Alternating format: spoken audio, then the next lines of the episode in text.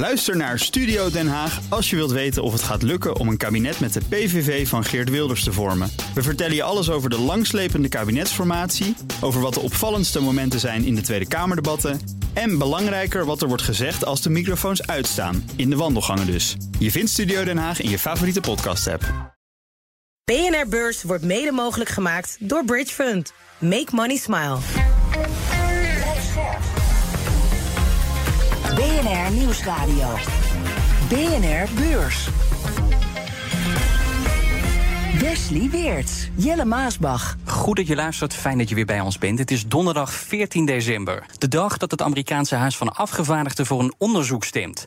Eén dat kan leiden tot de afzetting van president Joe Biden. The House has now spoken. And I think pretty loudly, pretty clearly, with every single Republican voting in favor of moving into this official impeachment inquiry phase of our constitutional duty uh, to do oversight. So when a majority of the House goes on record in support of an official impeachment inquiry, I think that sends a message. Gezelliger ging het eraan toe op de AX, want jawel, we gaan steeds verder richting die 800 punten. De AX die sloot net niet op de 790 punten, vier tiende van een procent erbij deze dag. Philips de grote winnaar, ruim 6 procent hoger gesloten. Een paar weken geleden werd het nog afgestraft vanwege nieuwe problemen met de apneuapparaten. Maar het aandeel is uh, bijna hersteld uh, van die klap. Of is helemaal hersteld van die klap, moet ik zeggen. En wie sowieso altijd boven zichzelf uitstijgt... is Jean-Paul van Oudheusden van Markets are Everywhere... en analist bij eToro.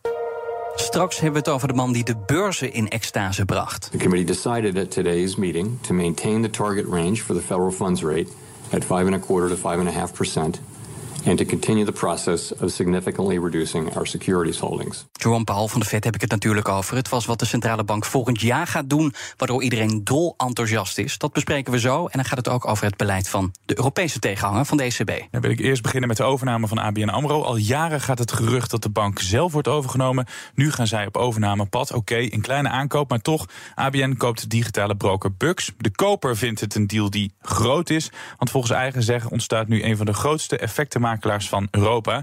Hoeveel de verlieslatende broker moet kosten, dat is niet bekend. Dat wil commercieel directeur Annerie Vreugdeheel ook niet zeggen. Wel dat ze heel blij is met de aankoop. Want het is voor ons strategisch heel erg belangrijk. We passen als bedrijven heel erg goed bij elkaar. Lux is fantastisch in het aantrekken van jonge startende beleggers. We hebben daar geweldige app voor ontwikkeld en prachtige producten. En ABN AMRO is heel erg goed in uh, veel meer expertise. Als klanten wat meer vermogen hebben, hebben ze vaak meer behoefte aan advies. Uh, maar ook aan een brede productenpakket voor beleggen. Al dus uh, Annerie Vreugdeheel van ABN AMRO. Ja, eerder had een andere partij 100 miljoen over voor Bucks. Dus ABN zal niet veel meer dan dat hebben betaald, zegt Jordi Beuving van de aandeelhouder. Ja, de vraag is eigenlijk een beetje: wat ben je überhaupt bereid te betalen voor ja, een verlieslatend bedrijf? In een ontzettend competitieve markt. Hè? Want uh, ja, aan brokers geen gebrek. Ze vechten elkaar allemaal de tent uit. Allemaal met zo laag mogelijke kosten. Bux geeft zelf aan, we hebben een half miljoen actieve klanten. Ja, dan is de vraag nog een beetje hoeveel zijn er echt actief aan het handelen. Ja, als je dan gaat rekenen met 100 miljoen, dan kom je op 200 euro per klant. Uh, de vraag is, ga je dat ook echt terugverdienen als, uh, ja, als Bux zijnde? Met Bux slaan we een brug van levensfase naar levensfase, zegt uh, die commerciële directeur. Ben je het daarmee eens? Ja, het idee van ABN AMRO is natuurlijk als volgt. Hè. Kijk, Bux is natuurlijk met name gericht op beginnende beleggers, de nieuwe generatie, de jongeren. Ja, ABN AMRO hoopt natuurlijk om die jonge Bux-klanten uiteindelijk ja, in een later stadium ABN-klant te kunnen maken. Uh, ja, dat moet ook bij gaan dragen aan de groeistrategie van ABN. Ja, de vraag is een beetje hoe realistisch is dat? Hè? Gaan die jonge generatie, ja, gaan die wel uiteindelijk overstappen naar een partij als ABN voor andere producten of noem het maar op? Ja, ik moet dat eerst nog wel zien. Ja, bij dit soort aankopen denk ik altijd, daarmee wil zo'n gevestigde naam zich uh, weer hip maken. Denk jij dat ook? Ja, daar lijkt het toch altijd een beetje op. Als uh, een, een, partij zoals ABN uh, inderdaad zo'n overname doet. Nou, wat het volgens mij uh, meer zit, fout is gewoon... ja, alle banken missen eigenlijk gewoon al ja, de strijd wat betreft innovatie. Banken kunnen eigenlijk gewoon niet concurreren met ja, fintechbedrijven. En ja, ze zijn niet innovatief genoeg. fintechbedrijven hebben vaak ook meer geld, meer kapitaal... betere developers. Ja, daar zit eigenlijk maar één ding op voor banken... en dat is om een overname te doen in die hoek. Alleen ja, banken en fintech is toch vaak geen goede combinatie. Doe bijvoorbeeld denken aan uh, ING met een hele grote fintech-ambities een aantal jaar geleden. Bijvoorbeeld overname PayVision. Ja, dat is ook niet geworden wat men daar destijds van hoopte. Ja, ik uh, ben benieuwd of dit allemaal succesvol gaat uitpakken voor ABN. Tot slot, ze stoppen trouwens met het aanbieden van crypto. ABN wil daar niet mee doorgaan. Begrijp je die keuze? Ja, dat snap ik zeker. Dat snap ik heel goed. Uh, de cryptoactiviteiten die worden niet overgenomen door ABN. Ja, komt natuurlijk gewoon vanwege alle compliance eisen en toezichthouders. Ja, daar gaat ABN gewoon niet aan beginnen. Zo simpel is het. Uh, ja, Bucks kondigde dan ook meteen aan om daar de stekker uit te trekken. En om te kijken of ze dat aan een andere partij kwijt kunnen. De hele overname van de rest zeg maar, van Bucks, dat moet ook nog worden goedgekeurd door de toezichthouder. Stel dat ze crypto ook zouden overnemen, ja, dan wordt ook dat een heel lastig dossier. Gaat het langer duren, omdat het, ja, dat crypto is zo complex, uh, compliance technisch. Uh, dus ja, heel simpel. ABN wil het risico niet nemen om ook iets met crypto te gaan doen. Uh, dus dat ja, laten ze buiten de deal. Dat snap ik heel goed. Door die beuving van de aandeelhouder hoorde je. Ja, dan naar uh, relaties op de werkvloer, want dat is een dure hobby, bewijst Bernard Looney. Hij is de ex-topman van BP en hij loog over zijn relaties met collega's. En ook zou die vrouwen met wie die date promotie hebben gegeven. Nou, Looney moet nu 37,5 miljoen euro aan salaris teruggeven. 37,5? 37,5 miljoen. En dat bedrag dat bestaat behalve uit salaris ook uit pensioen en andere voordelen. Zoals bijvoorbeeld een jaarlijkse bonus en voor miljoenen euro's aan aandelen. Ik ben ook wel eens een relatie begonnen op de werkvloer. Dat uh, leverde me gelukkig meer op dan dat het me heeft gekost. Anyhow, ik wil ook nog even Air France uh, KLM noemen. Vandaag de beleggersdag, dus de luchtvaarder die kwam met de lange termijn uh, plannen. Beleggers door het dolle aandeel ging 9% omhoog. Komt vooral omdat ze positiever zijn geworden over de marges. Vanaf 2026 denken ze dat de winstmarges uitkomen boven de 8%. Hoger dan gedacht. En zelf zeggen ze, we zijn nu goed gepositioneerd om een duurzame, winstgevende groei te gaan realiseren. Ook hoger dan gedacht zijn de huizenprijzen. Want de daling van de huizenprijzen heeft krap een jaar geduurd. Maar nu stijgen ze alweer. En volgend jaar breken ze zelfs door de piek van vorig jaar, zeggen economen van Rabobank. En dat was de piek van vorig jaar zomer. De huizenprijzen die gaan dus snel nieuwe records aantikken. En dat komt doordat kopers volgend jaar meer kunnen lenen. Terwijl er natuurlijk nog altijd een groot tekort aan huizen is. Straks hebben we het over de CEO van een van de grootste bedrijven van ons land. Misschien wel het bekendste bedrijf dat we hebben. Hij mag langer blijven, terwijl je als belegger niet veel aan hem hebt gehad. Eerst naar vetbaas Jerome Powell. Hij geeft beleggers alvast een vroeg kerstcadeautje. Volgend jaar kan de rente drie keer omlaag. Fed, of course, surprising markets with a pivot towards a more neutral stance sooner than expected. The average Fed forecast now sees three rate cuts in 2024. En daarmee komt er zo goed als zeker een einde aan alle renteverhogingen van de Amerikaanse centrale bank. De daling is ook groter dan de Fed drie maanden geleden liet doorschemeren. En die boodschap ja, die zorgt natuurlijk voor blije beleggers en ook voor records op de beurzen. Alleen Jean-Paul, dan moet ik toch even beginnen met mijn verbazing. Want Powell zei een paar weken geleden nog: het is te vroeg om te speculeren over renteverlagingen. En nu kondigt hij er zomaar even drie aan, of hij hint erop voor volgend jaar. Wat, wat is er in zo'n korte tijd veranderd? Ja, dat ging snel, hè? Dat ging heel snel, ja. Dat ging heel snel. Nou ja, ze proberen het uh, zeker in Amerika bij de centrale bank gewoon heel erg goed te begeleiden. Uh, dus hij, hij, staat natuurlijk uh, helemaal in de spotlights op het moment dat hij spreekt. Dus hij moet zijn woorden goed kiezen. Ik denk dat ze de vorige keer dachten van ja, weet je, we hebben toch nog een paar datapunten nodig dat het de goede de kant op gaat, dat mm. we dat kunnen gaan doen. Maar dan kun je ook even niks zeggen. Nee, en uh, dat is eigenlijk ook de grote verrassing, waardoor de beurzen er ook zo positief op reageren. Want meestal heeft hij het niet over renteverlagingen. En dan nu opeens van volgend jaar drie keer. Ja, dat is, uh, dat is nieuws. Is er dan iets veranderd nog in die korte tijd? Behalve dat ze dan. Is het alleen dat ze een beetje extra data binnen hebben gekregen? Is dat dan de reden? Nou, wat, wat denk ik toch wel, um, ja, zo je wilt, de verrassing is, is de snelheid waarmee de inflatie afneemt. Want dat was natuurlijk op de eerste plaats uh, de reden waarom dat het omhoog ging. Toen zei uh, de Fed nog van nou, het is transitory, gaat wel weer voorbij. Nou, ja. Dat was niet zo. Toen gingen ze die rente verhogen. Maar nu uh, hebben ze het er al over dat eind 2024 we al heel eind in de richting van die 2% zijn die ze op de lange termijn zoeken. En dat is toch wel sneller dan dat we een tijdje geleden hadden gedacht. Desondanks blijft Powell wel nog ja, wat onduidelijk over de timing. Daar blijft hij vaag over. Wat is het meest waarschijnlijk? Wanneer daalt de rente voor het eerst? Nou ja, onduidelijk. Ja, ik vind het vrij duidelijk. Weet je, drie keer. Ik denk overigens, het zou mij niet verbazen als er nog meer renteverlagingen komen. Maar is de eerste dan al in maart? Nou ja, dat, dat, uh, die uh, opening die is er nu. Als je in de markt kijkt, dan is de verwachting meer dat het wat meer in mei, juni zal liggen. Ja? ja, uiteindelijk maakt dat per saldo onderaan de streep niet zo heel veel uit of je het in maart al doet of uh, in mei of juni. Nou, ik denk dat ze bij het ANP nu al aan het meetikken zijn. Want Jean-Paul uh, van Oudheusen, dubbele punt, meer dan drie verlagingen dus gewoon volgend jaar. Ja, dat is in ieder geval in, in de markt wordt er een beetje van uitgegaan dat het in totaal anderhalf procent is. Dus je zou er drie kunnen hebben van 50 basispunten. Maar meestal gaan ze met 0,25. Ja, oké. Okay, okay, ja. En dat is ook wel iets. Hè. De markt was al vooruitgelopen op die renteverlagingen. De Fed heeft heel lang gezegd: nee, nee, nee, reken er niet op. Als we nu doorkomen, dan denkt de markt: zie je, we hadden toch gelijk.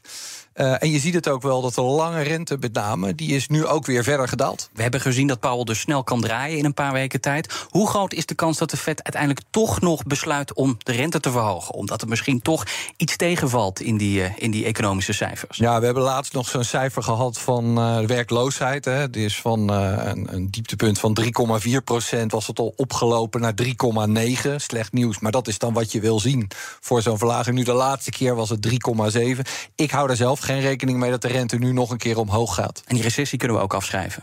Ja, dat is een andere grote verrassing. Want de hele tijd hebben we gedacht van... joh, als je zo snel de rente verhoogt... dat eindigt gewoon met een keiharde knal. Maar dat is niet gebeurd. Dus de arbeidsmarkt is goed, de lonen zijn goed, de consument blijft besteden. Dus het lijkt er een beetje op, en dat is ook wel echt nieuw, dat de vette toch tot een zachte landing gaat brengen. Dat hebben we nog niet vaak gezien in de geschiedenis. En dan nog even naar Frankfurt, want daar werd voor de tweede keer op rij even een pauze genomen. Geen renteverhoging, maar praten over een renteverlaging, dat doet Christine Lagarde van de ECB nog niet. We did not, we did not discuss rate cuts at all.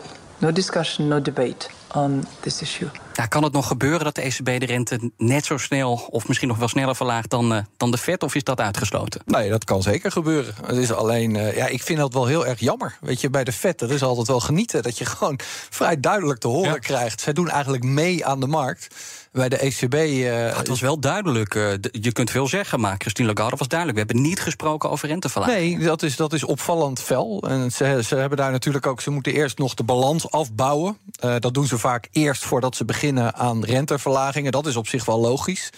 Maar ze heeft toch heel duidelijk willen maken: reken er niet op. Hè. Die inflatie moet gewoon naar beneden. En dat rentepad van de ECB, hoe ziet dat eruit? Ja, um, ze zijn wat later begonnen uh, met het verhogen. Um, er is lange tijd gedacht, dan zullen ze nu ook wel weer wat, wat um, uh, later gaan verlagen. Maar ja, als je kijkt naar de economische groei, die is de afgelopen periode in de Verenigde Staten veel hoger geweest dan in Europa. Dus het, ja, misschien in maart zou het kunnen zijn dat de ECB komt. Alleen als je er zo hoort, ja, is dat moeilijk voor te stellen. BNR Beurs. De beurskoers van Heineken kwam onder leiding van Dolf van der Brink amper van zijn plek. Hij stortte Heineken in een PR-nachtmerrie toen bleek dat het bedrijf nog steeds investeerde in Rusland, terwijl het eerder zijn vertrek had aangekondigd. En het lukte hem vooralsnog niet om de dalende bierverkopen te stoppen. Toch mag Van der Brink nog vier jaar blijven als CEO, want de Raad van Commissarissen heeft hem daarvoor aangedragen, voorgedragen. JP, hoe vind jij dat Van der Brink het heeft gedaan? Ja, ik, ik, jullie kiezen vaak voor zo'n uh, voor zo'n een beetje flauwe insteek. Hè? De, de beste man is begonnen in juni 2020. Ja. Dat we midden in de coronatijd. Ja. Uh, Daar kon hij niks aan doen, maar Rusland. Ja, maar de, weet je, de hoofdmoot is natuurlijk toch gewoon uh, bier uit de supermarkt en de bier in de cafés. Die cafés en die restaurants die gingen allemaal dicht. Ja. Uh, over de hele wereld. Ook nog eens een keer alle prijzen lopen op. We moesten het allemaal duurder inkomen. Ja, en nu de laatste tijd hebben ze gewoon heel veel tegenwind. Omdat gewoon ook uh, consumenten ook minder budget hebben. Dus je ziet dat met die premium ja. bier. Ja, weet je, als je ergens moet bezuinigen, dan denk je van nou, neem maar gewoon biertje in plaats van premium. Dan kan je hem niet aanrekenen. Hij kon er niks aan doen. Ik vind het goed dat hij nog vier jaar mag blijven. En de komende vier jaar kan hij dan echt laten zien hoe hij het uh, verder gaat brengen. Ja. Hoe staat Heineken ervoor op dit moment? Ja, best oké. Okay. Ik moet er ook wel om lachen dat op een dag dat er zoveel gebeurt op de beurs... dat jullie net dit aandeel eruit pakken, wat gewoon bijna niet, uh, niet verplaatst is. Want ja. uh, al het andere gaat of hard omhoog of hard omlaag. Nou, het spreekt wel tot de verbazing, maar, want er zijn natuurlijk ook andere bedrijven... die zijn geraakt, uh, maar de afgelopen jaren uiteindelijk wel weer de weg omhoog hebben gevonden. Ja, en dit dat, aandeel blijft gewoon een beetje liggen. Nou, dat gaat bij Heineken ook wel gebeuren. we hadden het er net over, dat de rente omlaag gaat... de inkoopprijzen gaan wat omlaag, de inflatie gaan wat omlaag... dan krijgt iedereen wat meer ruimte. Hopelijk gaan ook de energieprijzen nog verder omlaag. Dus uh, Heineken is zo'n aandeel. Het staat nu net boven de 90. Dat mm -hmm. komt altijd wel weer een keer op 100. En dat gaat. Uh, ook wel gebeuren als de omstandigheden wat beter zijn. Dus de mooie tijden komen eraan en uh, Van der Brink die kan gaan oogsten. Ja, het is, kijk, tegelijkertijd als dat, hè, het, is overigens als je kijkt naar concurrenten als AB InBev, Carlsberg, heeft in diezelfde periode vanaf juni 2020 ook niet heel veel gedaan. Hè. Dus het is moeilijk om het verschil te maken. BNR Beurs. Beleggers zijn eensgezind op Wall Street. De Dow Jones staat een half procent in de plus, de S&P 500 0,6 procent... en de Nasdaq eveneens een half procent uh, hoger. Uh, Meta, Threads, moeten we het nog even over hebben. Mm -hmm. Hebben we bijna zes maanden op moeten wachten. Had te maken met Europese wetgeving. Maar eindelijk lanceert Meta zijn Twitter-rivaal Threads in Europa. Ben je er blij mee? Ik heb er uh, ik, ik, nog niet naar gekeken. Zit er nog niet op. Zit er nog niet op. Nou, er zijn meer mensen die er nog niet op zitten. Meta probeert die nieuwe app een beetje in de markt te zetten als een beschaafd alternatief voor Twitter. Tegenwoordig heet het natuurlijk X. Ambities zijn groot, want uh, Mark Zuckerberg denkt dat Threads over een paar jaar een miljard gebruikers kan hebben. De vraag is alleen hoe realistisch dat is. is want Threads groeide in recordtijd. Dat was aan het begin naar 100 miljoen gebruikers. Toen zag je dat snel inzakken. Maar ja, nu krijgen ze dus Europa erbij en dus veel nieuwe potentiële klanten. BNR Beurs. Bij de top 2000 staat Bohemian Rhapsody bijna altijd op één. Maar op de beurzen is het Coinbase dat bovenaan het lijstje staat. Dat is namelijk de hit van dit jaar. En voert het lijstje met best presterende aandelen aan. Dat komt mooi uit, want de hele week hebben we het dus over de beste aandelen van 2023. En zoals Henny Huisman altijd zingt, er kan er maar één de beste zijn. Dat is in dit geval dus Coinbase met een winst van zo'n 350 procent. Ik moet eerlijk zeggen, die is een beetje langs me heen gegaan. Echt? En ik heb het uh, gemist. Een crypto-platform dat ver boven de rest uitsteekt. We kunnen zeggen, die dip van crypto uh, die is wel echt voorbij, hè? Ja, met zo'n 350% omhoog uh, is dat al prima. Het is natuurlijk nog steeds, het staat zo rond de 150 dollar. Dat is natuurlijk nog ver verwijderd van de koers bij de beursgang van 250 ja. dollar. Het heeft kort daarna, want iedereen dook daar natuurlijk op met zijn crypto-winsten. Dachten, gaan we dat kopen? Heeft het geloof ik op 4, nou 4 hoog, 400 hoog gestaan. Ja. Ja, nu, Coinbase is de beurs die heeft ingezet op uh, een gereguleerde beurs te zijn. En daar profiteren ze nu van. We hebben natuurlijk het omvallen van FTX uh, gezien. Mm -hmm. nou, een partij als Binance, die heel groot was, die echt die toezichthouder uh, op de knieën heeft gekregen. Dus de toezichthouder Binance. Ja, Coinbase, dat moet nog blijken. Maar die hebben gewoon gezegd: joh, wij gaan naar de beurs. Dan moeten ze met een prospectus komen, openheid van zaken geven. Ze houden zich aan de regelgeving. En dat is nu in hun voordeel. Hoe kijk je als belegger naar dit aandeel? Is het een aandeel dat jij nu interessanter vindt, of zie je het niet zitten? Ja, kijk, het zit bij mij in het bakje super speculatief. Dat zie je ook wel aan die bewegingen. Maar ja. 2024 zijn natuurlijk twee memorabele momenten voor, uh, voor Bitcoin. Uh, eerst hebben we in januari uh, dat iedereen zit te wachten of de SEC nu die spot Bitcoin ETF's gaat goedkeuren, waaronder BlackRock heeft er eentje ingediend. Oh ja, ja. ja, daar heeft een rechter van gezegd van joh, je kunt dat niet eigenlijk niet tegenhouden op de gronden die je eerst. Als dat gebeurt, zo groot is die Bitcoin-markt niet. En BlackRock gaat maar een deel van het geld daarin stoppen. Ja, dan kan dat hard omhoog gaan. Uh, het andere is die zogenaamde halving die ergens in april plaatsvindt. Elke vier jaar uh, is dat zo. Hè? Dan wordt de vergoeding voor die miners weer wat kleiner gemaakt. Beetje technisch verhaal. In ieder geval de afgelopen drie keer dat dat gebeurde... hebben we gezien dat de bitcoin-koers met meer dan 100% omhoog ging. Ja. Dus daar zitten ook veel beleggers, speculatieve beleggers... op het vinkentouw. Ja, maar, uh, maar, Coinbase is toch ook nog aangeklaagd voor fraude door de beursautoriteiten. Is dat nog een risico dat die beurskoers ook weer omlaag kan? Het is doorspekt van allemaal risico's. Want als de SEC dadelijk komt en die zegt: Nou, we willen het toch niet en we hebben een andere manier gevonden, het gaat allemaal niet gebeuren en we willen crypto op de knieën krijgen, om het zo maar te zeggen. Ja, dan gaat het met zo'n beurs natuurlijk ook niet goed. Durf jij erin te stappen? als speculatieve belegging op dit moment zeker ook al, omdat, en daar, daar wordt eigenlijk weinig over gepraat, maar de marges die een Coinbase maakt, die zijn enorm groot. Morgen een melancholische dag, want we nemen afscheid van een oude rot in het vak. Rood Microtech verlaat de Damrak. Het kleine chipbedrijf was al sinds 1986 op de Amsterdamse beurs aanwezig, maar vond de notering te duur. En dus liet het zich voor 29 miljoen euro overkopen door het Italiaanse Microtest. En het kwartaalseizoen komt rustig op gang. H&M doet de boeken open. Tot nu toe is zo'n jaar niet spectaculair. Volgens analisten is het een vlak jaar voor de kledingwinkel. Al zat er vorig kwartaal wel wat beweging in. Toen noteerde H&M 6% meer te hebben verkocht dan een jaar eerder. Dit was de BNR-beurs van 14 december, donderdag 14 december, dus het is bijna weekend. Het is ook bijna kerst en het eerste cadeau voor jou als belegger is al binnen. Kerstman John Powell gaat namelijk drie keer uitdelen en hij denkt drie keer de rente te verlagen volgend jaar. En daar worden beleggers blij van. Bij ABN zijn ze ook blij, want ze hebben digitale broker Bucks gekocht. De bank ziet het als een investering in de toekomst. En over toekomst gesproken, Heineken ziet toekomst in Dol van der Brink. Hij mag nog een termijn de baas zijn. Dankjewel, Jean-Paul vanuit Huisten van Markets Everywhere en Annelies bij eToro. Fijn dat je er was. En wij zijn er morgen weer. Ja, jij bent er morgen. Ik ben er morgen niet. Nee, dat klopt. Maar BNR Beurs is er morgen dus wel. Met mij en met Jochem Vissen. Mooi. Tot morgen. Tot morgen. BNR Beurs wordt mede mogelijk gemaakt door Bridge Fund. Make money smile.